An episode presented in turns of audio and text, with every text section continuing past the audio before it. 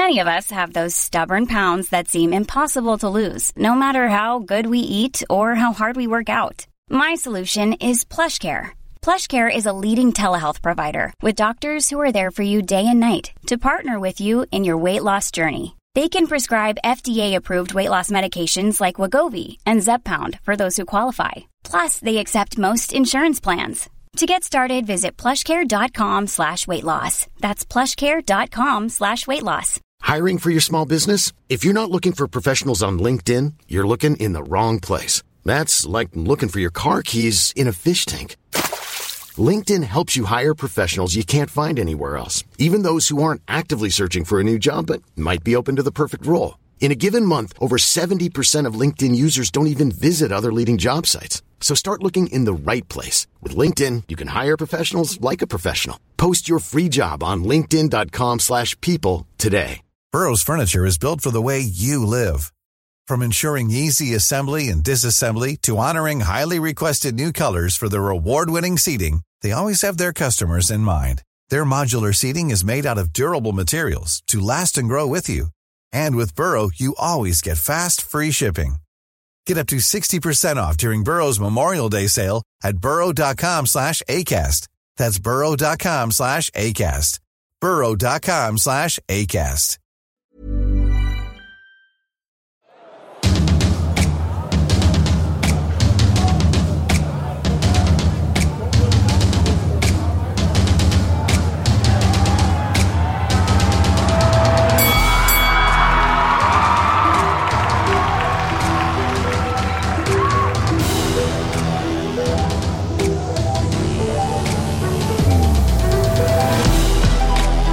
Sitter här med Janne Ranninen, mer känd som Solvallamördaren. Hur känns den prestationen? Sol, mördare och Solvalla. Jag vet inte om prestationen men du, äh, presentationen menar du? Ja. ja. Alltså jag är dömd för mordet på Solvalla. Så det är många som känner mig genom det namnet. Mm. Men mitt namn är Janne Ranninen så det är det som jag presenterar mig som. Det, det, Ja, det förstår jag att du ja, inte... jag, springer, jag springer inte runt och säger att jag är Solvallamördaren. Därför boken heter också De kallar mig Solvallamördaren. Just det, du har skrivit en bok om det. Mm. För, mig, för mig eh, känns den här lite jobbig måste jag säga intervjun. För att jag, jag kände ju Joxor eh, som du sköt på Solvalla. Eh, ingen nära vän men jag kände honom trots att han var gangster och allt sånt där. Så jag gillade honom måste jag säga. Mm. Eh, så det känns lite jobbigt. Men jag är ändå så intresserad av ditt livsöde som jag tycker är på mångt och mycket eh, både gripande och, och eh, sorgligt på sina ställen och, och, och sådär. Eh, men du är inte bara dömd för ett mord, du är dömd för två mord. Mm. Dubbelmördare. Ja. Ja. Hur, hur, hur, för det har vi pratat, vi har ju haft rätt lite olika eh, gäster, vi har allt från präster, men vi har haft en kille som har mördat tre personer innan här. Mm. Hur, hur lever man vidare med det? Du har ju avtjänat ditt straff, Eh, Eh, du kommer ut, hur lever man med det? Man får bara lära sig att leva med det helt enkelt. Det där tillhörde det kriminella livet. Jag har lagt det kriminella livet bakom mig.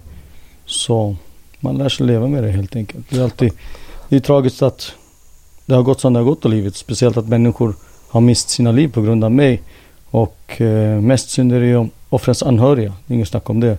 Men det är bara att leva vidare. Man lär sig leva med det helt enkelt. Men, men eh, vaknar du inte på nätterna, eh, finns det ingen sån känsla kvar? Nej, och det har inte funnits någon känsla, sån känsla alls. Alltså jag har aldrig vaknat på nätterna av det. Som jag sa, det tillhörde det kriminella livet och när vad heter det, levde ett kriminellt liv så stängde jag av känslorna och körde på och gjorde det jag skulle göra helt enkelt. Så nej, jag har aldrig vaknat på nätterna. Angående om det här. Du kommer ju från Jordbro. Mm. Jag är från en liknande förort. Jag, jag tror att de är liksom på något sätt kusiner de två. jag är från en plats Väsby. Det är lite Mm. samma. Det är förort. Men vi, vi är inte tuffa att ha tunnelbana. Vi har pendeltåg. Så att det är lite landet, lite förort, rätt mycket problem. Mm. Hur tror du det har påverkat dig att du hamnade där du hamnade och där du är idag? Det har påverkat väldigt mycket. Som du vet så i förorterna, speciellt idag så är det katastrof i Ja. förorterna. Men även då så var det ju, packades det mycket sociala, ekonomiska och andra problem Mm. i förorterna. Det, miljonprogrammet byggdes och det bara fylldes med arbetsinvandring och, allt, och sen även massa sociala problem. Så det var inget bra ställe att växa upp på.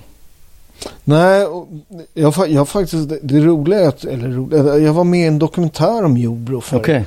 För tusen år sedan. Eh, även fast jag inte är från Jordbro. Eh, det var på någon fest där och så breakdansade. Det är första gången jag är med på tv. Kanske, Kommer du ihåg vad jag dokumentären kommer hette? inte ihåg vad den hette. Men det, det var om unga killar och, och problem i, i Jordbro. Okej. Det var, det var rätt, men det, det var någon som var, fick, vart lite erkänd sådär. Så jag, kommer Kul. inte ihåg, jag, jag tror jag snurrade på huvudet i Jordbro. Min, min första tv-framträdande. Mm. Men sen är du ju tvåkulturell. Du är precis som jag. Mm. Eh, du är finne och svensk. Ja.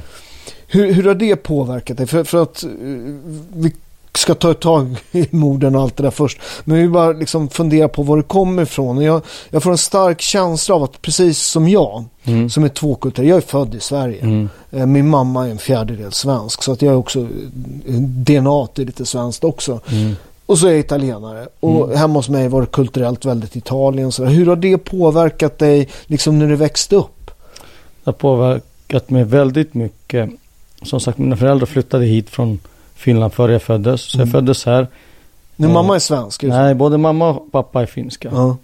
Och jag ärvde så att säga finska medborgarskapet. Eftersom min mamma var finsk medborgare. Så automatiskt när jag föddes, även fast jag föddes här, så Mm. blev jag finsk medborgare.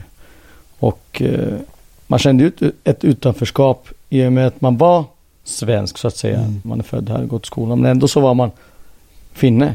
Mm. Jag hade finskt efternamn och jag har fortfarande passet. När jag skulle gå och hämta mitt pass så var det inte som de andra gick till polisstationen och hämtade utan var tvungen att gå till ambassaden Mm. för att få ut Ja, det är pass. precis som jag. Ja, visst. så minns jag, jag har tagit upp det här väldigt många gånger. Eh, Jag minns en händelse. Vi skulle ut på en eh, klassresa. Och då, vi var massa olika nationaliteter i vår klass. Så då sa klassläraren att klassresan den här gången ska ut till Muskö örlogsbas. Som det. låg i Haninge. Och dit får bara svenska medborgare komma in. Så det är bara svenska medborgare som får följa med. Men till er andra så ordnar vi något annat Mm. under den dagen. Och då satt vi och kollade på varandra. Vad fan är det här för någonting? Vi är födda och uppvuxna Mm. här och vi har lekt samma lekar och gjort allting precis likadant som alla andra. Varför får inte vi följa med dit? Och skolan fattade ju sin tabbe då. Så de, vad hette det, la ner grejerna. Så det Ja. vart ju ingen klassresa. Men där kände man också, det har ju satt sig än idag. Att då fattade man att ja, man är kanske inte lika mycket värd som de svenska medborgarna. Som gick klassen eller var vänner också. Ja, men är det inte, tror, är det inte något du, du, man tänker själv? Att det är mer att folk gör grejer och sen så bara liksom på något sätt så blir det större i ens huvud än vad det är i verkligheten. Ja, vi ska åka och titta på Muskö. Ja, okej. Utlänningar, om- blir- du, du vet. Ja men om du, om i skolan så representerar samhället. Ja. Om skolan då säger till dig som är 10-11 års åldern att du får inte åka till ett ställe Nej. med dina svenska medborgare i samma klass. Dina vänner, dina klasskamrater får följa Ja. med. Då är det självklart att det inte bara att man förstorar sitt huvud. Men då förstår man ju att Nej, du, inte, du känner utanför, absolut. Ja. Men det, det där också, jag, jag är katolik och du vet, på vår tid, du är lite yngre än mig, du är sju, 7-8 år ungefär. sju åtta år yngre. Mm. Men, men då, då gick vi på skolavslutningen och, Mm. och alla hö, stora högtider, då gick man i kyrkan. Mm. Och då läste man ju trosbekännelsen. Ja. Eh, du vet. Och där, vi var ett par katoliker då i, i, i klassen, eller vi var två katoliker. Eh, och vi satt ner under trosbekännelsen, det kommer jag ihåg, det var väldigt starkt liksom att alla ställde sig upp och det var kyrkan och Mm. vet, redan som rätt liten så visste man att jag kan inte stå upp här. Men, men istället för att känna mig eh, utsatt så måste jag känna att jag, säga att jag kände mig stark av det.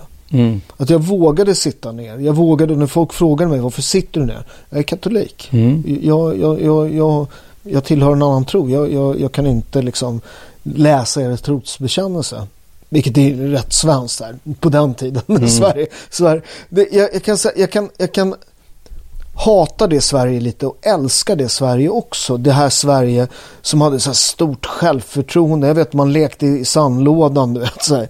så, så, så lekte man krig med de plastgubbarna. Hade du? Ja, så lekte man krig med de plastgubbarna.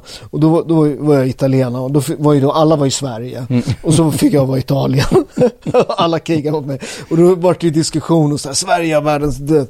Och då sa han, men vi är med i NATO. Mm. Italien är med i NATO, men vi har Viggen. Då är det slutdiskuterat. Ja, men så, så jag kan säga att jag, jag, jag, jag varit stolt över att vara både svensk och, och... Men du kände på ett annat sätt att du, att du kände dig utanför? Ja, alltså man kände sig utanför på det sättet att man inte var inkluderad Nej. på samma sätt som de svenska medborgarna. Nej. Men självklart tog man till sig den där stoltheten att okej, då är jag finne. Mm. Så då tog man eh, den finska patriotiska rollen istället. Så det blev ju mer så att man började tänka på att fan, där Finland, det är drömlandet, det är dit vi ska Ja. sikta på i framtiden och allt det här. Så självklart bärde man sitt efternamn med stolthet, sitt finska pass med stolthet. Du känner säkert väldigt många finnar som har varit det, tatuerat in finska lejonet och allt det Fan, här. jag är från Väsby i lilla Finland. Ja, exakt. Fan, menar- Marabou. Ja. fan, det Så på ett sätt jag, tror vi, jag tror vi hade, i min skola hade vi finska klasser. Mm, ja, Ja. det hade vi absolut eh, i, hos oss också. Ja. Och vad heter det, de som inte gick i finska klassen hade ändå hemspråk två, Ja. tre timmar i veckan. Ja, men det jag vet inte om du hade också? Jag hade hemspråk Ja, också. visst. Så, men ja, finska klasser och nu för tiden finska ett minoritetsspråk i, jag tror det är 60, jag vet inte hur många kommuner men är Ja. alltså är minoritetsspråk i Ja, uppe mång, i norr, väldigt många. eh, nej, nej, alltså runt om i, ja. Ja, men det finns ju vissa delar som har varit finskspråkiga. Mm. Några uppe vid gränsen där. Men nej, det finns även runt om i Sverige, vet Mm. du, så Finland, bland annat Finland, minoritetsspråk. Mm. i Sverige. Så det är självklart man bär det med stolthet men en- man kände sig från samhället på det sättet att man inte var lika mycket värd Mm. eh, som eh, de svenska medborgarna i samma klass. Vid det tillfället, jag pratar om den här klassresan då. Nej, men jag, jag, jag kan säga att en gång eh, jag var tagen för en grej på T-centralen. Eh, och det finns ett förhörsrum där liksom precis vid tunneln, liksom Mm. trapporna ner där. Eh, och det, det var eh, någon som hade liksom fått stryk och det var inte jag. Det var liksom, men de, det, signalementet var mitt. Så, och det var en rätt grov misshandel. Så de tog in mig där och så började de slå mig som fan. Mm. Och jag sa, jag svär på Gud. Jag, jag, det var inte jag. De bara, vilken Gud då? Allah. Och så slog de mig som fan. Liksom. Okej. Eh, och sen var det någon, så fick de ju tag på den rätta personen. Ja, vi har Mm. honom liksom. Så bara släppte de ut mig. De, liksom, och jag kommer ihåg att så här, det gjorde jävligt ont. Jag var inte gammal då, kanske var 14, 15. Mm. Så jag grät så här, men jag ville liksom inte gå till polarna. Utan jag, jag liksom gick och, och, och där kände jag mig för första gången måste jag säga så här, att fan, shit alltså. Jag är kanske inte så svensk som jag känner mig. Mm. Mm. Hur, hur mycket kulturellt känner du? För det kan jag känna när jag bildade familj. Mm. Att så här, man tänker man är född i Sverige. Det, Mm. Jag kan alla liksom. Jag kan kungsången och sjunga för min son på morgnarna. Vid hög volym. Och, och, Kungsången. Ur svenska hjärtans djup Okej. en gång en samfälld och en enkel sång. Det sjunger jag för min son varje morgon. Tror- Han blir jätteglad när man gör det. Han är Okej. tonåring. Vad ska du göra om kungen kommer in här? Då måste man slå upp och sjunga kungssången. Nej, det skulle jag inte gjort. Jo, Varför skulle jag göra det för? det är kungen. Nej, man får väl sätta sig och så får vi intervjua han i, vår, i den här podcasten tycker jag. Kung, kungen som har ref- respekt Ah, okej. Det är en res- representant för Sverige. Okej. Men, men, men re, rent, rent eh, kulturellt. Hur mycket kulturellt är det finna? Väldigt mycket. Ja, eftersom Väldigt- bägge föräldrarna- Ja, väldigt mycket. Men jag är född och uppvuxen här och jag har ju upplevt allting. All, första stegen och allting, alltså skolan och allting i Sverige. Så på det sättet känner man ju sig som en svensk, som en eh, numera, eh, numera och identifierar mig som Sverigefinne. Mm. En finne som är född i Sverige helt enkelt. Men mm, mera kanske åt det finska än det svenska. Mm. Ja, för för jag, jag kände jag, jag kände mig väldigt, jag, tävl, jag blev ju svensk medborgare när jag var 18. Jag tävlade för det svenska landslaget. Eh, jag, jag, bli- alltså när jag hör svenska nationalsången, jag blir så stolt. För jag har stått under den här Okej. fanan, representerat Sverige. Så för mig är Sverige väldigt, väldigt viktigt. Men det märkte jag när jag gifte mig och skaffade barn. Ja. Alltså att man var kulturellt liksom så här grejer man trodde bara var så här, men vadå liksom, jag är ju svensk. Och så var det rätt mycket grejer som var så här lite konstiga för min exfru och lite som jag tyckte var lite konstigt så här, svenskt levande som man trodde man liksom och det, det vart en del konflikter där med min exfru om det där liksom att så här eh, och då kände jag att fan jag har en annan kultur liksom och, och en annan rot någonstans och, och det där har ju varit för mig var det problematiskt under tonåren Mm. men idag är det, är det en tillgång. Mm. Hur känner du inför det? Jag känner verkligen pre- precis samma som dig att det var problematiskt då för man Mm. sökte sig Ja. till någonting. Man, man- bildade ju sin identitet och då när det fattas någonting Mm. hos dig, att du inte är rotad på samma sätt som alla andra här, Mm. då söker du till något annat. Och då är faran att man söker bekräftelse på fel ställen. Så självklart var det ett problem i tonåren, men alltså nu som, precis som du, så det är en tillgång. Det är skönt att Mm. veta om båda länders kulturer. För att det är det, eh, alltså när man, för där är det precis som du, som jag, att när man väl börjar strula till det. Mm. Eh, jag var sop i skolan, jag är dyslektiker. Eh, när man väl börjar strula till det Mm. eh, så finns det med förorten. Mm. Så finns det ett alternativ. ja, ja, med, med ja. kriminaliteten och Ja, ja. gängen och allt sånt där. Mm. Var det det som du kände att det var det som liksom osäkerheten på något sätt gjorde att du söks in i det där? Inte bara det. Det är mycket som spelar in. Temperamentet, Ja, ja. förhållanden hemma, vad jag har gått igenom, vad som, vad heter det, hur miljön såg ut, var man bodde, Mm. eh, bekräftelsebehov, dåligt, dålig självkänsla, dåligt självförtroende. Massa som spelar in. Så det är inte bara en sak. Men Mm. Nej, precis. Men, Mm. men ju, just, eh, jag kan identifiera mm, eh, dåligt självförtroende, Mm. eh, hög, eh, jag menar, dålig i skolan, Mm. eh, dyslektiker eh, och rätt tuff. Ja. Sådär. Det, det, är en, det är en frö, alltså förödande, jag hamnade i bråk någon gång första gången i sju, eller jag har varit i bråk innan, men, men så här på riktigt med en av nio när den gick i sjuan och så vann jag. Mm. Och helt plötsligt så visste jag, liksom, jag gick från att vara en rätt töntig snubbe till att vara något folk alla visste vem det var. ja. Det är han Paula, han lilla, Ja. som kan slåss. Ja. Och så fick man hänga med de äldre killarna och, och du vet, och det fanns ju ett pris för det. Mm. Man fick, man, man fick liksom betala det genom att göra prylar liksom. Mm. Mm. Hur, hur hamnade du i de här gängen? Som sagt, det var steg för steg. Man gjorde något litet. Myrsteg, man får ofta... Ja, ja man, exakt. Man gjorde något Ja, litet. ja. Man, det- man började med någon jävla sno någonting. Och bara, för att, bara för att göra det helt Mm. enkelt. Och sen vad heter det, vi hade ju dåligt ekonomiskt ställt. Så jag ville ju, jag ville ju också ha schyssta kläder som Mm. andra. Jag ville också kunna gå på bio och gå på restaurang Mm. och så att morsan kunde inte sticka till med så mycket pengar då. Hon var ensamstående med två söner. Hon jobbade ju och kunde betala räkningar men det var inte mycket mer än så. Så jag tänkte, var ska jag tjäna pengar? Så mitt motiv för att kliva in i kriminaliteten, det var ju för att tjäna pengar. Mm. Så jag började inbrott och då fick man tips. Folk som såg att man lyckades med det Mm. Och kunde göra det och vågade göra. Så fick man bara tips om mer och mer inbrott, mer och mer rån. Och om man torskade, om man höll, äh, höll käften, Mm. så vad heter det, fick man ännu mer tillit och bara fick mer och mer jobb. Så sakta men säkert, mer och mer så. Men pengar, jag, som jag upplevt det under alla år och alla man har känt och allt Mm. sånt där. Som jag, jag, jag, pengarna är en viss del i det här, men jag skulle säga att det är, det är en und, alltså jag tror inte det är den primära anledningen. Utan för mig och för många jag känner Mm. så är det helt klart att du går från att vara liksom nobody till att vara kung. Alltså det, ute i de här förorterna där vi är uppväxta finns det en enorm respekt för det här. Du, du, och, och det alltså, så här, du, du vet om man tittar liksom, vem är det som kör Mercan i kvarteret? Det är pizzabagaren eller gangstern. Mm. Så det är bara att välja om man ska baka pizza eller, eller köra. eh, Liksom. Jag har, aldrig, jag har aldrig velat vara någon kung. Jag har aldrig velat vara den här namnen, den där tuffa, den där stora, den där farliga. Jag har velat tjäna pengar för att kunna köpa den där Mercan Ja. och sen köra den. Jag menar självklart vill man ha bekräftelse i och med att man köper den där Mm. Mercan och visa att jag kan, jag har råd att köpa den här Mercan. Men det är inte så att jag har velat vara någon kung eller den Ja. tuffaste eller något sånt. Så nej, jag, jag måste säga att min primära motiv för att göra brott var att eh, göra pengar. Det var därför jag gjorde rån, inbrott, Mm. och sålde knark, la ut den här för att det ska säljas sånt för att jag ska få in pengar. Mm. Men sen torskade, sen problemet var att mitt temperament, jag, jag hade ju ett illamående som låg och grubblade Mm. där. Grubblade, men bubblade kanske man ska Bubbla, säga. ja. Så vad heter det? Eh, Så när jag drack, då kunde jag inte kontrollera mitt Mm. temperament och då tog jag Finna, Folk som sa- fin- finnjävel vet du.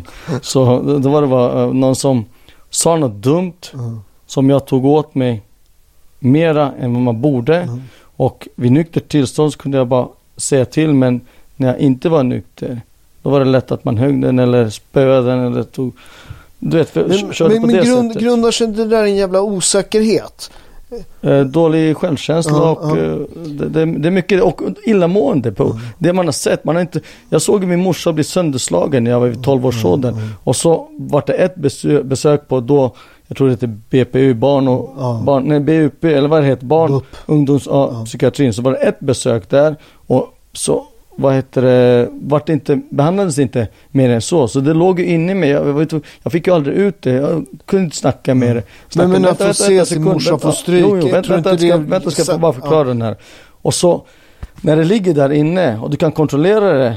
Som nu, ja, okej det är en illamående som ligger där men sen när du är full eller någonting så kan du inte kontrollera det. Då utlöser sig ett våldsbrott mot andra. Ja.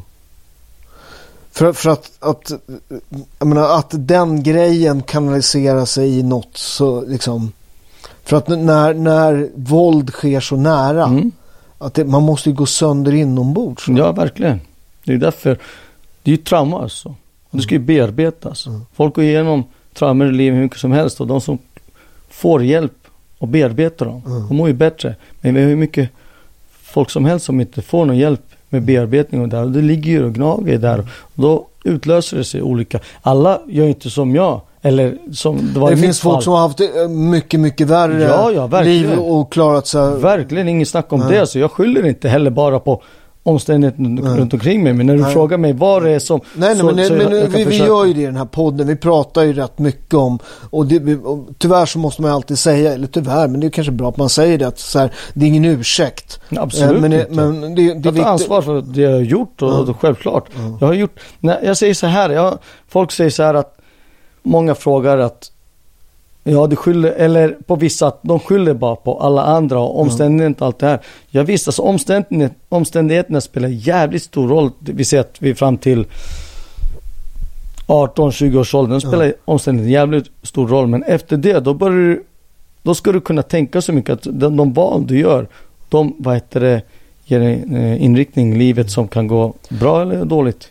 Men jag, jag kommer ihåg en väldigt alltså, så här, aha-upplevelse för mig. Det var, jag fick ju anställning rätt tidigt på Café Opera som dörrvakt. Det var Mm. ju liksom världens tuffaste ställe på den tiden. Ja. Men det alla kände Ja, ja, det. var, ju- det är inte som det är idag. Det var, så, det var, liksom, det var, helt, det var helt sjukt när man fick jobba där. Man stod med öppen mun. Ja. Men jag vet där, då, då, då jobbade jag med, med en annan kille, så stor handbollsspelare. Som tyvärr dog i en fallskärmsolycka. Men han, lä, han läste till, till jurist. Mm. Skulle bli advokat och kom från en fin familj och allt sånt där. Eh, och sen så, så när man, när man så här, när man förstår var man kommer ifrån påverkar vissa val. Mm. Så vi står där och så kommer det någon förortsgäng, du vet, och man, man ser direkt, nu kommer det bråk. Så man börjar liksom så här, du vet. Och jag, han, han var stor så han stod fram, så jag stod lite bakom, lite på sidan, du vet. Klassiken. Så man kunde dra dem lite från, från sidan.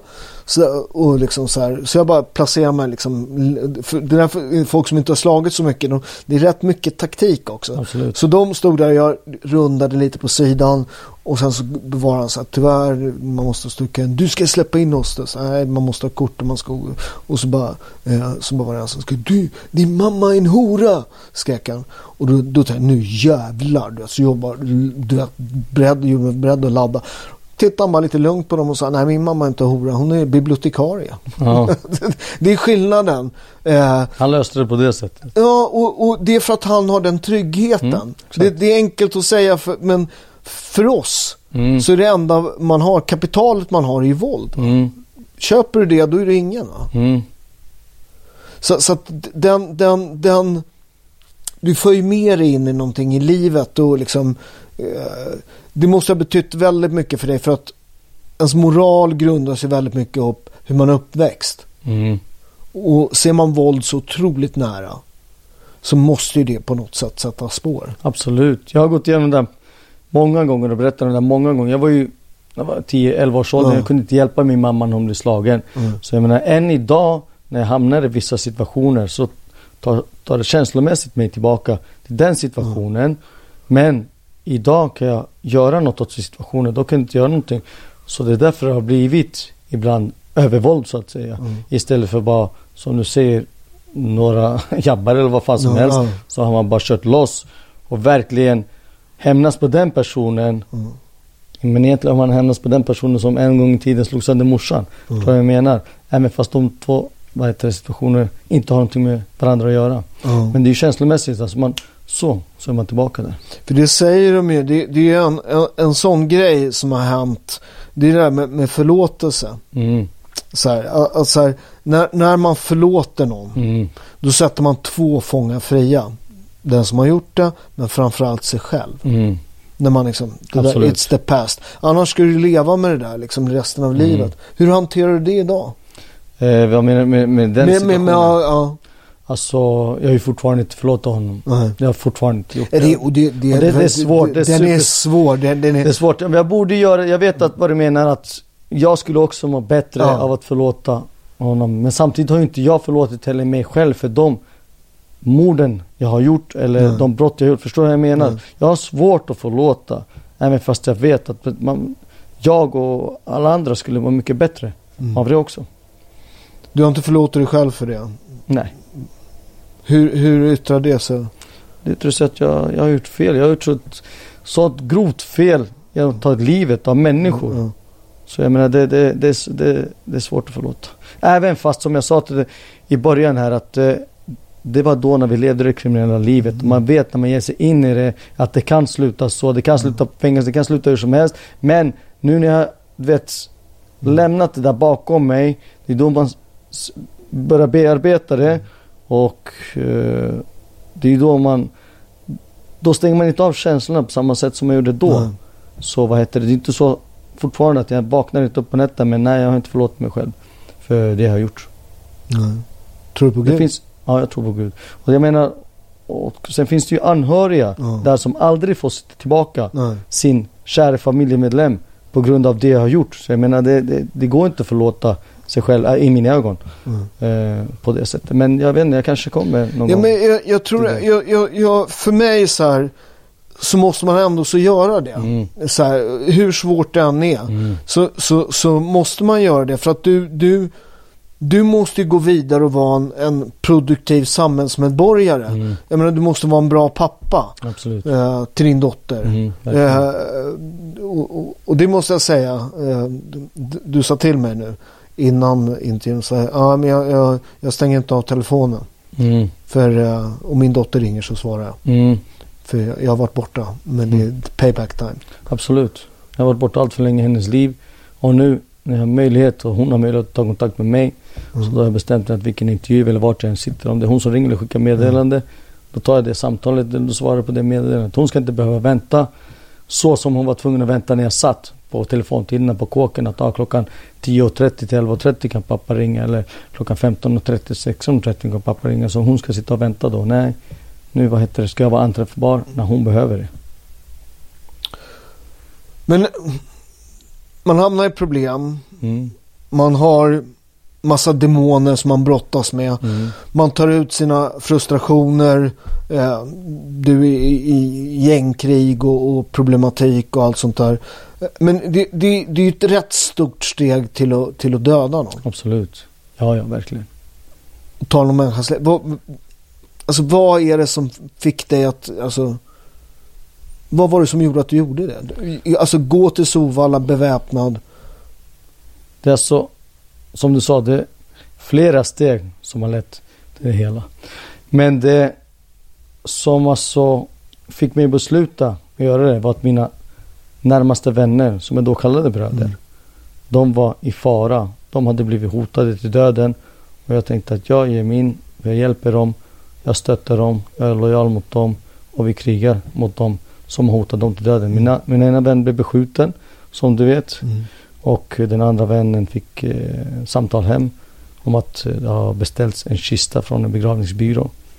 Jag menar, då, då, då, då finns det inte längre någonting när man lever i den världen. Att säga nej, det är lugnt, kör på bara, skjut på oss. Och, Jag menar, ring och hota oss till döden och så. Så nej, det var beslutet som, det var det som fick mig att ta beslutet att eh, kliva in helt och hållet. Men så är det ju mycket som leder fram till det självklart. Men om du frågar vilka, eh, vad det var som var att eh, jag fick, att som tog beslut som jag tog. Ja. Så det är det. Hur känns det, hur känns det man har gjort det? Efteråt direkt. Ja. Man stängde av känslorna. Som jag sa, när jag levde det kriminella livet. Det, låter, det här låter dumt, men jag har vissa egenskaper som är bra i det kriminella livet. Ett av dem är att jag kan stänga av känslorna när det väl är dags att göra någonting. Jag gör det, jag har en grej som jag ska göra, jag åker dit, jag gör det och då är det gjort. Och det låter jävligt kallt och det låter jävligt sjukt och dumt. Och eh, så ska det inte vara heller i det vanliga hela livet.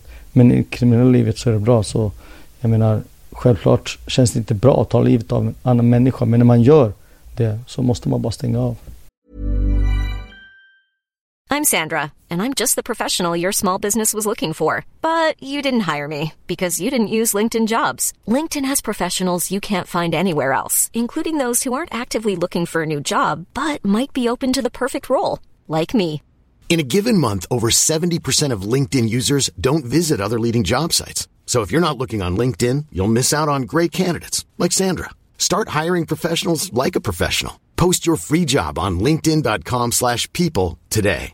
Want to get a chiseled look in the jawline? Sculpt and shape your jawline with added volume from Juvederm Volux XC. Juvederm Volux XC is an injectable gel specifically designed to be robust enough to improve moderate to severe loss of jawline definition. And it is the first and only hyaluronic acid filler approved for the jawline. Add volume to your jawline for a chiseled look with Juvederm Volux XC. For important safety information and to find a licensed specialist, visit juvederm.com. That's J U V E D E R M.com. Not for people with severe allergic reactions, allergies to lidocaine, or the proteins used in Juvederm. Common side effects include injection site redness, swelling, pain, tenderness, firmness, lumps, bumps, bruising, discoloration, or itching. There's a risk of unintentional injection into a blood vessel, which can cause vision abnormalities, blindness, stroke, temporary scabs, or scarring. Talk to a licensed specialist to find out if it's right for you. Visit juvederm.com. That's J U V E D E R M.com. Du vart ju tagen på plats. Mm. Och vart dömd. Mm. Satt av ditt straff.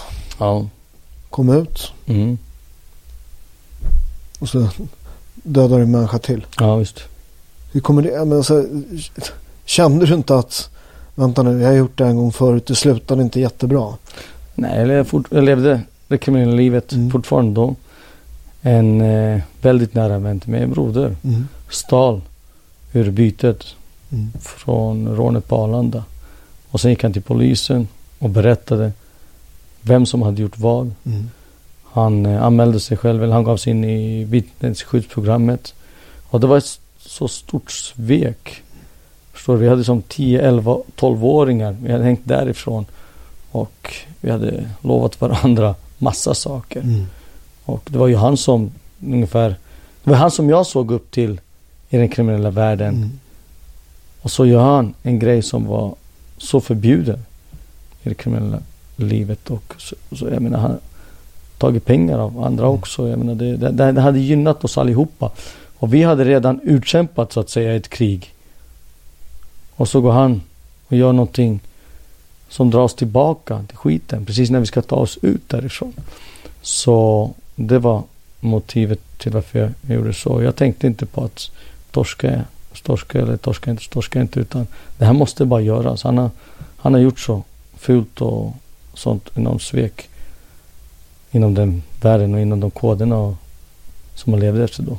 Mm, ja, absolut. Så, Men, men du blir tagen, blir dömd igen. ja, Hur, hur känns det när dörr, dörrarna stängs där andra gången? självklart känns det jobbigt. Nu sitter jag nu, den här gången kommer jag sitta ännu längre Mm. än tidigare. Så, men det För kändes... första gången var du ju rätt ung. Ja, jag var 20 år. Mm.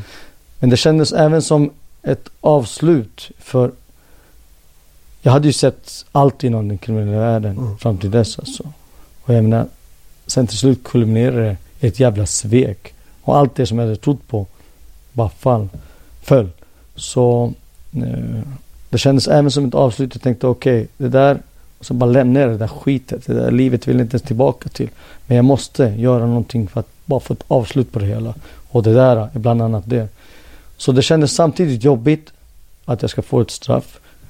Eh, men sen kändes det självklart lättande också. Och bara, nu, nu kan jag lämna allt det där skiten bakom Men, men, men nu kan jag lämna allt det där bakom mig. Det, det, det är många som säger det Mm. när, när de sitter. Och, Mm. och så det, jag ska aldrig hamna här igen. Eh, och, jag ska göra allt. Och så kommer man ut. Mm. Och så har man, man har ju liksom ingenting. Liksom. Du har inget liv, du har liksom inga vänner som inte är kriminella. Du, du har eh, det enda du kan, det enda du har gjort med livet. Hur, hur, hur gammal var du när du kom ut andra gången? Eh, du menar det här från livstidsstraffet? Ja, ja, 43, 44. Ja. ja. Nu är man ju rätt gammal liksom. Ja. Men det var inte så att jag inte hade någonting. Jag pluggade ju under, eh, vad heter det, straffet. Jag skötte företag under Mm. straffet, två företag. Jag startade två företag. Jag jobbade under straffet, under slutet av straffet. Så jag kom ut, jag, jag hoppade ju bara på det här som allt det som jag gör idag. Så det var inte så att jag inte bara hade folk som i min närhet som hade kriminell bakgrund. Visst fanns det Nej, men, men, men, men många har det. Ja, ja, väldigt och det, många. Det det, det, jag. det, Det är ju skillnad. Du pluggade, du startade företag, Mm. du kommer ut, du har något att komma ut till. Mm, Det är det som är skillnaden. absolut. Men, men vad skiljer dig från de som inte gör, alltså den, den stora, stora, stora majoriteten. Ni är ju liksom så många som lyckas med den där Jag liksom. vet inte alls vad som skiljer. Det är säkert eh, bra folk runt omkring, bra familj. Folk Mm. som litar på mig, folk som ger mig chanser.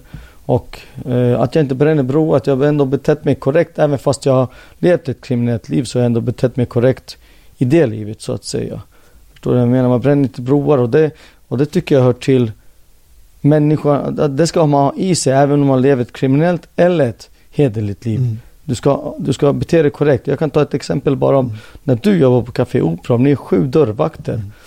Och eh, där vi säger bara ett exempel att eh, det kommer in 10 000 i dricks eh, på kvällen. Ja. Folk lämnar. Och eh, ni är sju dörr, nej vi säger 7 000 för att göra det Ja. simpelt. Det kommer 7 000, ni är sju pers där. Och då är det slutet av kvällen så får ni en lax var. Mm. Men om du då tar fem lax därifrån och de andra får vara dela på två lax. Då är det ju helt klart att du kommer aldrig mer få jobb inom dörrvaktsbranschen. Mm. Och de andra kommer säkert slå sönder dig. Så jag menar det, men i kriminella livet när man gör en sån grej. Mm. Det betyder inte att du får sparken från det kriminella livet utan du, du är troligtvis mördad. Mm. Förstår du vad jag menar? Så det finns paralleller. Även fast jag inte eh, säger att det är bra att göra så. Men jag menar det finns vissa grundvärderingar som man måste leva efter. Även i det kriminella eller det hederliga livet. Förstår du? Det finns vissa saker du ska bete dig korrekt. Så jag tror att det också eh, skiljer mig att när jag väl kom ut så eftersom jag betett mig korrekt i mitt liv på det sättet. Inte vad heter det mot samhället i och med att jag gör brott. Men eh, att jag har varit korrekt även inom det kriminella livet så finns det folk som har stöttat mig hela vägen. Jag har ju fortfarande vänner som jag har haft sedan tioårsåldern. Mm. Min bästman på min bröllop nu för några veckor sedan har jag känt i 38, 39 år. Mm. Jag menar det är ju, det är ju sånt. Du, vet, du, har, du har säkert barndomsvänner. Ja, ja, ja. Och det spelar ingen roll vilka vägar ni har gått. Vad ni har gjort. Men det finns vissa band som bara Ja, finns men där. jag tror inte alla har det. Men, men den, jag har ju vänner som, Mm. det är de här man inte behöver ringa varje dag. Liksom, Exakt. utan så, när man ringer, då är de alltid där. De är Mm. alltid ett stöd. De, man behöver aldrig berätta, de, de känner en. Alltså, Du Mm. behöver aldrig, jag gjorde det här för att, utan de vet. Mm, För att man har alltid pratat. mm, Ja, men de, de vännerna är ju, liksom i kriser eh, otroligt viktiga. Absolut. Och, och, och ha dem. Men det är inte alla som har dem. Och Nej tyvärr inte. Nej ty- tyvärr. Jag önskar att mer folk hade goda människor runt omkring en. Det, För det måste jag säga, jag, jag, eh, jag hade ju rätt ordentlig skandal här när jag köpte sex. ja jag Ja, hörde något om det. Jag har, inte ja, gått, jag har inte läst på det. Nej, det nej, men, men, men där kan man också se eh, vilka som är riktiga vänner. mm, Som kan se, du vet, som kan skilja på handling och person Mm. och sådär liksom. när hände det? Två år sedan alltså. Och vad, vad, vad, vad, vad hände alltså? Du gick och köpte sex av en Ja, prostituerad. ja, Hur blev du tagen för det första? Nej, det, de, polisen, de var, hade spaning på det. På plats eller vad då? Ja. Okej. Och ja, för, för alltså jag frågar här, Ja. eftersom i Finland så är det ju lagligt att köpa Ja. sex och lagligt att sälja sex. Ja. Så länge det inte är under hallickverksamhet Ja, men det, så, var inte, så var det inte. I Sverige är det förbjudet, Förbjudet att köpa, köpa, sex. Ja, sälja. Eh, men men vad, vad, vad känner du om det då? Att du, Men alltså, lagstiftning och sen Ja, det, att du alltså gjorde det, det, du det, gjorde. det, är en- annan, jag bröt mot lagen Mm. ko- korrekt och, och plus att det var extremt korkat. Eh, eftersom jag, jag fattade konsekvenserna, eller jag borde ha fattat konsekvenserna. Mm. Eh, vad som kunde hända. Men, ja. men, men, men i och med den grejen Mm. så försvann ju alla de här de fina vännerna, mediavännerna, Ah. TV4-vännerna. Okej. Du vet, boom, vilka var klar, kvar? Några av mina gamla kompisar eh, och alla de, de som hade riktiga problem. Kriminella polarna Mm. och boxarna. Ja. Boxarna var fantastiska det gänget. Ja. Eh, och, där på något sätt så, så, så det, det rensade bort massa skitmänniskor i livet. Mm. Så, så man, ja, det är ju så här när det blåser. Vi- Vilka är vän med, för att man är med på tv och vilka är vän för att de gillar en. Exakt. Exakt. Vilka är där bara för att utnyttja Ja, dig, ja. för det rör runt omkring dig och... Inte jättemånga är riktiga vänner kan jag Nej, säga. nej, nej. Nej. Tråkigt nog.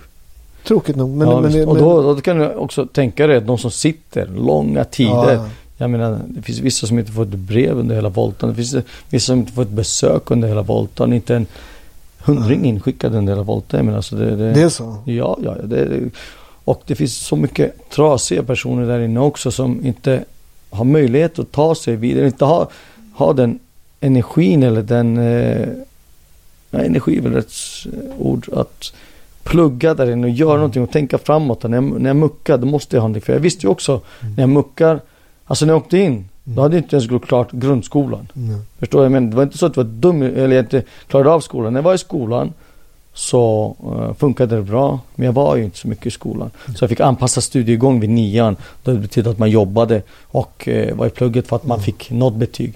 Men sen pluggade jag inget mer. Så sen i vad heter det, kåken så pluggade jag in, läste in gymnasiet och sen uh, högskola, yrkeshögskola. Så jag visste ju att jag må, när jag kommer ut så måste jag ha någon grund att stå på. Mm. Så, men det finns många som inte har Ja, det, det, det, det, det är lätt att säga att man ska, att man ska sköta sig när man kommer ut. Men det är ju Mm. rätt mycket trasiga själar. Ja, ja. Ingen ursäkt för folk som har gjort brott. Så här, men om man ska förstå hur man ska lösa det här. Liksom. Ja.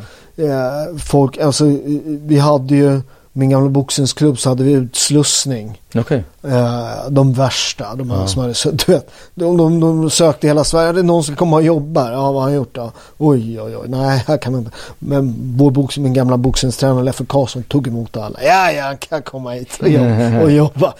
Och där var ju folk, de skötte sig på Vart var det någonstans? På Starfights uppe på Östergötagatan. Okej. okej. Eh, Tränade det bra. Jaså, Ja. okej. Vad heter det? Eh, så det, de, polisen kallar det torpedverkstan. Nej. jo, det var det rätt. De, de hade ju till och med, det var gamla hedliga boxnings-Sverige. De hade, det var någon gång de hade polisrazzior, de hittade pistoler och sånt där. klubben. okej. Men, men, men, eh, men Leffe är en jävla bra man liksom. Mm. Även fast det var mycket gangsters där. Mm. Eh, eh, och, och där såg man ju på de som kom ut från de här långa, långa straffen Mm. att så här, eh, eh, alltså att det är svårt med allt liksom. Ja, ja. ja. Man, alltså hela, hela sättet att umgås med folk och Absolut. prata liksom, bara öppna en dörr. Det blir Mm. jättegott. De- De stod, du vet, man, man, vad, vad gör du? Ah, just det, just det, jag kan öppna dörren själv. Eller det här, är det här som, som man, man kunde bli tokig på dem. De var så här, eh, "Ja, ska vi gå och äta lunch? Ja, ja klockan tolv. Så. Ja. Sen vet, en minut över tolv. Ja, ska vi gå och äta lunch? Ja, ja, men vänta lite. Ja, men vi, du sa tolv. Ska vi gå och äta lunch? Man så här, lägg, av- lägg av det. Men, men du vet, de är så jävla Ja, bara, ja, men det är bara för att allt, allt är på Ja. kåken. Jag märker ju, ja, min, min grövsta kåkskada är ju den att jag gör för mycket nu när jag kommer ut. För när jag kommer ut, jag hade mina företag, ja. jag hade släppt två böcker, jag släppte en till. Du var med och startade Kartellen. Ja, då under tiden jag satt. Men Ja. alltså när jag kommer ut, jag pratar om det här när jag kommer ut. Ja, ja. Jag öppnade ett rage room. Jag startade ett produktionsbolag i Finland. Nu, nu ska jag börja producera ljudböcker och nu jobbar jag på fjärde boken. Så du vet, jag drar på mig allt för mycket Mm, för den tid, jag, jag, jag, det finns någonting, inte att jag ska ta, vinna tillbaka tiden som jag suttit utan jag tror, jag tänker så att jag måste ta vara på tiden så mycket som möjligt. Det finns ju fortfarande någonting där inne som säger att när din celldörr kommer att bli låst klockan fem och den öppnas nästa dag sju och mellan fem och sju så kan du inte göra något skit från cellen. Förstår du vad jag menar? Så jag, jag, förstår exakt vad du menar det här med en minut över tolv. Så, Ja. hörru, vad fan sysslar ni med? Så kom igen. Det var ju tolv vi skulle käka och 12.30 vi klara och ett är nästa grej. Så ja. En, en, en, en liten så du vet de här grejerna, lives, när man ser saker i livet som ändrar. Vi var eh, på semester, jag och min exfru och våra barn. Mm. Eh, f, eh, så var vi i New York, jag har ju släkt där och hälsade på. Vi fotade en bok där också. Och sen åkte vi ut och badade en, en ö utanför eh, New York som heter Shelter Island. Jag rekommenderar alla. Det var en jävla häftig semester. Du, först New York storstad och sen så tre timmar. Ja. Så är det bad och, och liksom bara landet. Jaså? Ja. Eh, men då varje morgon åt vi frukost på en brygga där. Och där satt ett äldre par. Mm. Som, nej, men, vi hade barn som var rätt. Så, så att de pratade lite med barnen. var väldigt trevliga. Och så pratade vi lite. Visade sig att de gillade Italien. Och, och så pratade vi lite om det. Och så visade sig att mannen var intresserad av, eh, av eh, eh, romersk historia. Mm. Och var professor i det. Då visade det sig att, att, att han då hade sålt sina företag när han var 75. Mm. 75. Gått tillbaka till studierna. eh, Och studerat, blivit professor i romersk eh, alltså militärhistoria. Eh, som 75-åring började han ett nytt liv. Det är jävla häftigt att Ja, bli ja. professor. Det, det där är som, när man, man tänker på den, eh, liksom så här, det går att starta om igen. Ja, ja, det, det gör det alltid. Vad man än har gjort i livet så går det ju att starta om. Det är inget snack. Det är aldrig för sent så att säga. Mm. Det, det är inte det jag menar. Nu för tiden, förr i tiden var det ju så säkert att man tänkte att man ska fixa en utbildning, jobba ja. inom det bara, göra karriär inom det så att säga. Och sen ska man pensionera sig vid 65-70 års ålder. Men idag, jag menar, så har de ju 3, 4, 5, 6 kanske olika karriärer. Ja, men har skrivit tre böcker. Ja, fjärde på G och Mm. massa poddar säkert. 150 podcast och... Jag, jag, skrivit, jag har skrivit elva böcker. Ja. Du har skrivit kok kokböcker. Ja, Nej, ja, nej, jag- jag- eh, träningsböcker och... Eh, låter kanske dumt att säga skrivit kokböcker, säger man så? Ja, men, ja Vad man skriver, skriver. Ja, men det, de, har, de har varit historier också. Så att de Ah, har okej. släktskrönikor och så här, rätt Mm. roliga. Så det har varit lite annorlunda kok. Hur känns det då, skrivit 11 böcker? När, man, när du kollar ditt namn på Storytel så att säga så kommer det massa titlar. Hur känns det? Nej men det, det, det är ju så här, det är faktiskt eh, min förläggare eh, retade mig ibland. Hon ringde upp och sa så här, hörru författare, nej men jag är ingen författare. Hon, hon bara, har man skrivit två böcker som man författare. Mm. Du vet, om man skriver mer än en, då, då är man en författare. Ja. Så att jag är författare. Mm. Eh, nej men det är bara att visa att, att, att, man, att det går att ändra livet liksom.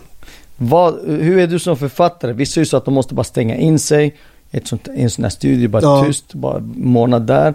Eh, och vissa kör bara när de får flow. Vissa måste jobba upp flowen. Ja. Hur är du som författare? Ja, jag, jag, jag, jag, är ju dyslektiker så jag har ju enorm vånda. Okej. Alltså jag hatar ju att skriva. Jag skriver ju rätt mycket nu med mina bloggar och sånt Mm. där. Så, jag har ju enorm vånda liksom. Som så jag jobbar med aha. Och till slut så blir det liksom så måste jag tvinga mig. Och när jag väl sitter då- flyter det.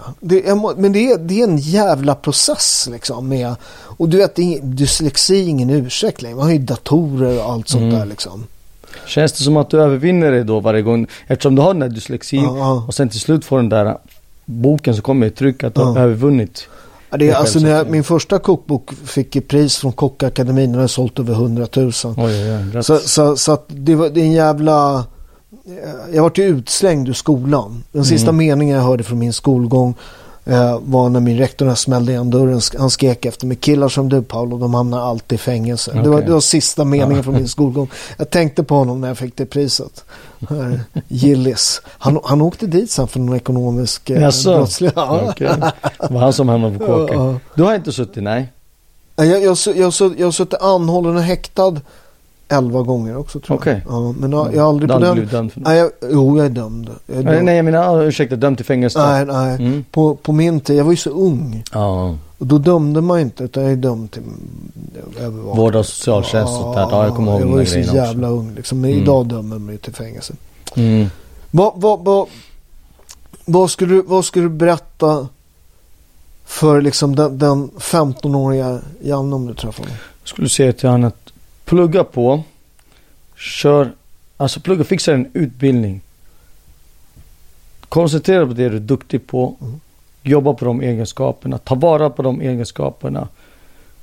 Sök inte bekräftelse i fel kretsar, hos fel personer. Eh, det kommer att ta längre tid att komma dit. Det kommer att vara jobbigare väg att komma dit. Men det kommer att komma dit och när det väl kommer dit så är det mycket mer hållbart än det skitet som du är på väg in i. Det skulle jag säga. Jag har ju haft, jag har ju alltid haft, jag brukar inte prata om det, men jag har alltid, alltid haft eh, killar med problem anställda i mina företag. Alltid Mm. för att hjälpa till. Eh, för och, och jag måste säga att många av de här killarna är väldigt driftiga. Mm. Ja, ja, men, ja men du vet ju. Ja, men du, jag vet, jag ja. vet. Man, må, alltså, man måste överleva. Ja, precis. Man, man är, man, du vet, man, si arancia säger de i Napoli. Man, man får klara sig. Exakt. Eh, eh, och jag menar, en, en, min första som jag hade anställd i mitt första företag, han har 20 anställda Oj, tror jag. oj, oj. Ja. En är tyvärr död, skjuten. Ja, och, tråkigt. eh, han har varit skjuten i Spanien. Mm. Vad heter det? Väl, väldigt fin kille. Så, Mm. som, eh, du vet, som stod och, och superbegåvad, jävla driftig men stod och vägde. Och så här, var lite snäll, lite busig Mm. och så klev det över. Men, men vi har ju pratat lite också i podden här med, med vad man ska göra åt det här med, med den ökande liksom, kriminaliteten, problematiken. Mm. Så du frågar mig vad, vad jag tycker om Jag det? tittar på dig. Ja. nej, jag tänkte, nej, nej, nej, men alltså, du, du, sa inte Nej, förlåt, he- hela... förlåt jag tjafsar. Nej, det är klart Nej, nej, att- nej, nej, alltså, Ja, du ja, berättade, ja. sa inte Nej, hela förlåt. meningen så därför jag Ja, ja, tänkte, vet. satt och väntade på frågan. Ja. Men frågan Vad är, tycker du? eh, fan om jag hade en lösning på det där skulle man behöva Eller göra någonting Ja. resten av sitt liv. Men alltså, jag tycker självklart att man ska jobba på ungdomars självkänsla Mm. och självförtroende. För att de inte ska få eller utveckla ett bekräftelsebehov och inte behöver söka, precis som mig, bekräftelse genom materiella ting. Jag menar, hade jag förstått, okej det är inte bara lösning men det kan vara en av Ja. lösningarna i ekvationen så att säga. Det betyder att för att andra folk ska se att du är någonting så behöver du inte den dyraste bilen, den tjockaste Mm. guldkedjan, den finaste klockan eller det här. Och sen även, man ska jobba mycket, alltså det finns ju mycket folk som helst som mår illa, jobba på det. Mm. Men det som jag skulle säga som är mest viktigt att ta vara på talanger. Jag startade ju det en välgörenhetsorganisation i Finland för barn till fångar. Ja. Och barn till fångar döms ju bara för att deras föräldrar har gjort något brott. Mm. Förstår jag? Men de, de säger i folkmun att nej, den där kommer det inte bli någonting av. Paolo har suttit 20 år i fängelse. Nu har inte du suttit med, förstår jag? Men Paolo har suttit 20 år i fängelse. Hur fan kan det bli något av hans son? Mm. Förstår jag? Han blir dömd på förväg. Och eh, jag vet att i varje person så finns det något bra, så finns det något gott. Men för att få den personen att förstå det själv. Så jag startade en välgörenhetsorganisation och vi gjorde ett projekt som heter Finn din talang. Och där gjorde vi bland annat eh, rap, så här workshops och sen teaterworkshops. Som vi tog in artister och konstnärer och, och skådespelare som Mm. hjälpte dem så att de fick, vi gjorde en tio gånger sån här workshop. Under den tiden så vi koncentrerade oss på den här rap-workshopen. Så fick de skriva med, göra en text, leta ett beat och det slutade med att de fick sin egen, vad heter det, låt. Mm. Och så fick de uppträda någonstans också. Jag menar, där märkte de att de är bra på något. Ja. Så då, där finns det en väg att, eh, att leda, vägleda rätt. Så, för jag vet att alla är bra på någonting. Alla kan någonting. Ingen är värdelös. Så är det bara. Så man även kan, vad heter det, hitta de där små egenskaperna. Jag var bra på matte och språk när jag var ung. Jag önskar att någon kunde ha lett mig vidare Ja. där. Om någon hittar någon som är duktig på att laga mat eller någon som kan måla eller någon som kan Men sjunga, laga, ma- kan laga mat är en sån här klassisk grej. Jag, har ju- jag, har ju- jag har ju haft eh, fyra restauranger, ett Mm. hotell. Liksom. Jag, jag är skicklig på mat. Liksom. Men nästan alla kockar som är skickliga, de, de har ju myror i brallan och är lite galna. Liksom. Du behöver ju vara galen Ja, för att trivas i den här miljön. Ja, för det är en helt galen miljö. Ja, jag vet. Och speciellt i i ett italienskt kök där de, du vet, Ja. Det var så roligt. Jag hade ett, jag hade ett, ett hotell som hette Körunda, svenskt kök. Okej. Eh, Och så det, jag hade fyra restauranger, Panifresco med italienare. Mm. Hur de, skillnaden hur de jobbade. Italienarna var så här, de började, om man gjorde en stor middag, då började de med att skrika. De var så här ovänner. De bara skrek liksom. Svenskarna var så här, eh, och jag gillade det här svenska sättet. Man, man, vi tar det lugnt nu. Eh, och så jag försökte alltid hjälpa italienarna med den här organisationsgrejen. Så här, nu gör vi så här, vi lägger upp alla tallrikarna på rad. Och så gör du det, du gör det, gör det. Gör det. Ja, visst, visst, vet italienarna. Så satte igång så var de ovänner. De. Men det roliga var med italienarna. Alltså var, varje gång, varje gång då, när det var klart, när alla hade varit så här. Franco då, vår köks, köksmästare, han, bara, han, bara, han bara tittade på sig själv. Du vet, han har varit skitförbannad som ett jävla bi liksom. Så brukade han titta slog han sig för bröstet. Så var alla så här, han bara, vi skulle kunna laga, laga en fyra rätter på bara vatten. Från att vara jätteovänner. Ja. Jag älskar det. Men, Men jag vet vad du menar, att alltså kockar är speciellt folk. Ja, ja, och det där- jag har- där jag passar. Ja, exakt. Jag har jobbat i kök, i kök också. Jag vet också det där. Men jag menar det här att det är inte bara en lösning. Det är, men jag vet att om man kan lä- vägleda ungdomarna rätt genom att hitta det de är bra på, det, de egenskaperna och sen bygga upp självkänslan och självförtroendet på det. Mm. Så det är en bit på vägen i varje fall. Men jag vet, jag, har inget, jag, jag vet inte vad jag ska säga om det. finns ingen lösning. Jag har ingen lösning på. nej, nej, det, Det, det, det är ingen som har det tyvärr, Nej. tråkigt nog. Det är så mycket som spelar in. Det är så jävla mycket som spelar in. Men hårdare straff är absolut ingen, vad heter det, mer poliser hårdare straff, högre murar. Jag menar det är verkligen inte. Jag tycker att istället, när man tänker på ett fängelsestraff, då ska man inte tänka på längden på det. Då ska man tänka på innehållet på det. Det Hur man kan bearbeta Men det finns, jag personen. måste säga, det finns ju en med fängelsestraff. Det finns dels för, för de anhöriga. Den som har blivit en hämnd. Mm. Och samhälle också avskräckande. Det där diskuterar de om det är det eller inte. Det, det är väl inte riktigt. Men, men, men sen så finns det inlåsningseffekten. Om du har tungt kriminella människor som sitter inne. Då kan de inte göra brott. Så, så det, jag, men jag håller med om det här med att, att, att man behöver på ett helt annat sätt hjälpa till när folk ska komma ut. Det, det, och i Sverige är vi så här. Det är så lustigt att man kan bara göra en sak. På höger är det bara hårdare straff. Ja, hårdare straff. Mm. Vänstern är bara, du vet, Ja, ja, re- reha, åh det är synd om alla liksom. Ba- Men så här, ja, det finns anledningar till att folk, som för dig, eh, det finns en jävligt tragiskt öde som gör att man, men sen är det val som gör Ja, att ja, man hamnar absolut. där. där. Ja, ja. Men, men, så, så att, men det behöver ju du hjälp med. Mm. Absolut, ja, ja. Men, men, det, men det behöver inte betyda att du ska ha ett jävligt hårt straff för det du har gjort. Liksom.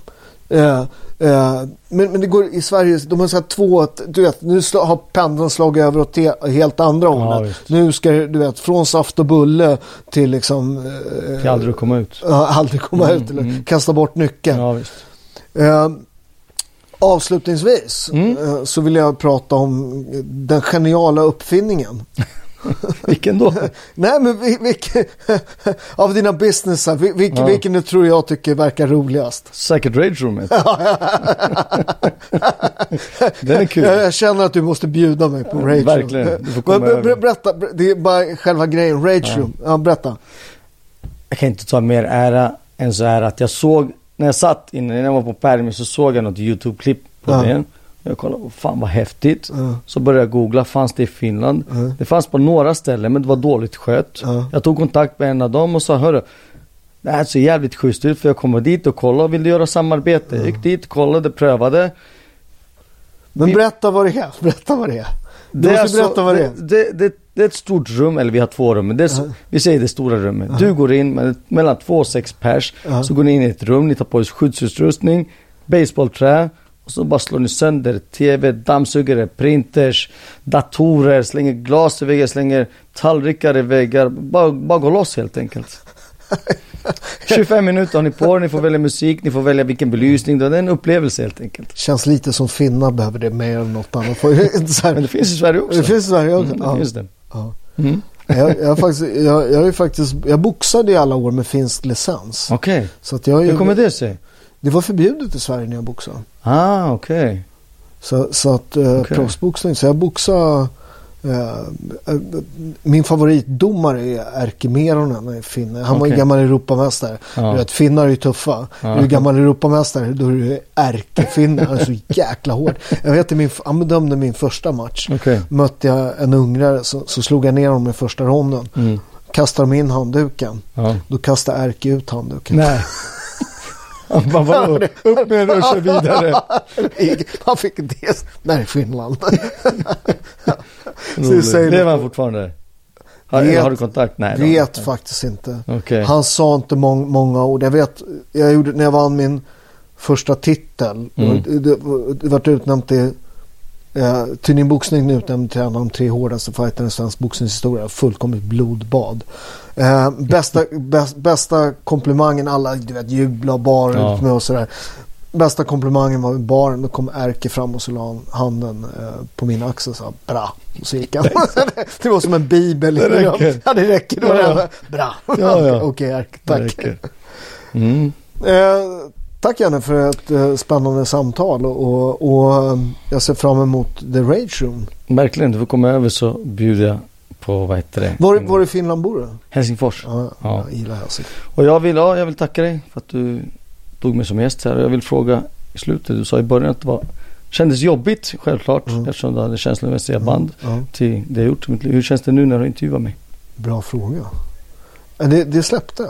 Okej.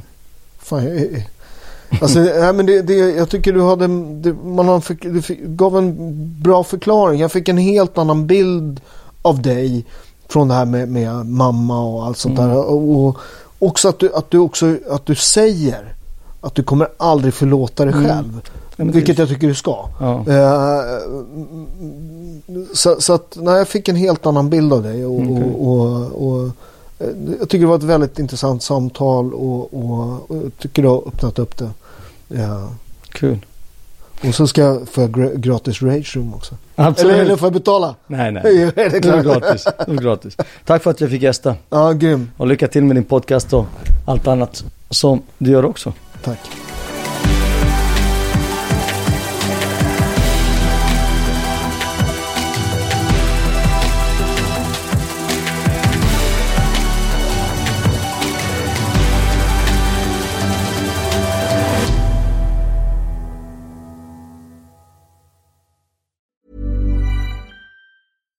If you're looking for plump lips that last, you need to know about Juvederm lip fillers. With Juvederm Volbella XC and Juvederm Ultra XC, your lip look, whether it's subtle or bold, can last up to one full year with optimal treatment and no additional maintenance. Find a licensed specialist and see if it's right for you at juvederm.com today. That's J U V E D E R M.com. Add fullness to lips in adults over 21 with Juvederm Volbella XC or Juvederm Ultra XC. Do not use if you have severe allergies or a history of severe allergic reactions, or if you're allergic to lidocaine or the proteins used in Juvederm. Tell your doctor if you have a history of scarring or taking medicines that decrease the body's immune response or that can prolong bleeding. Common side effects include injection site redness, swelling, pain, tenderness, firmness, lumps, bumps, bruising, discoloration, or itching. As with all fillers, there's a rare risk of unintentional injection into a blood vessel, which can cause vision abnormalities, blindness, stroke, temporary scabs, or scarring. For full important safety information, visit juvederm.com. Even when we're on a budget, we still deserve nice things. Quince is a place to scoop up stunning high-end goods for 50 to 80% less than similar brands. They have buttery soft cashmere sweaters starting at $50, luxurious Italian leather bags, and so much more. Plus, Quince only works with factories that use safe, ethical, and responsible manufacturing. Get the high-end goods you'll love without the high price tag with Quince. Go to quince.com slash style for free shipping and 365-day returns.